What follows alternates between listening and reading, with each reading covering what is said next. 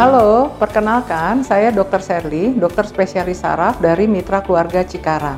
Pada kesempatan kali ini, saya akan membahas tentang pertolongan pertama pada pasien epilepsi. Epilepsi atau gangguan dari listrik otak yang abnormal bisa menyebabkan kejang dengan gejala hilangnya kesadaran dan juga gangguan sensasi, rasa, dan juga diikuti dengan gerakan yang bersifat abnormal. Seseorang kadang-kadang tidak tahu apa yang bisa diperbuat waktu menghadapi pasien yang epilepsi.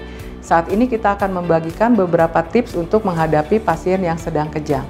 Tips pertama saat terjadi kejang adalah Posisikan pasien untuk tubuhnya menyamping, lalu letakkan sesuatu yang bersifat lembut di bawah kepala pasien dan usahakan pasien tetap miring posisinya. Tips kedua, saat terjadi kejang, kita usahakan jalan nafas pada pasien tetap terbuka. Jadi kita jangan menaruh sesuatu yang ada di dalam mulut Malah lebih baik kita membuka jalan nafas dengan membuka mulut dan menghindari liur, jangan sampai pasien mengalami tersedak. Untuk tips ketiga, apabila terjadi kejang, kita jangan usahakan untuk menahan kejang. Karena waktu pasien mengalami kejang, dia bisa bersifat agresif, bisa melukai dirinya sendiri atau juga melukai yang menolong dari si pasiennya.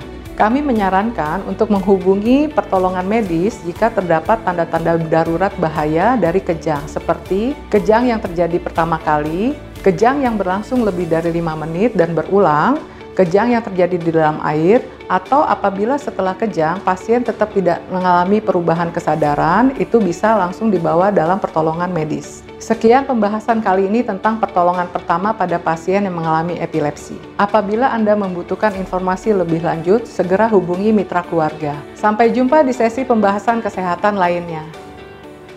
Mitra keluarga, life, love, laughter.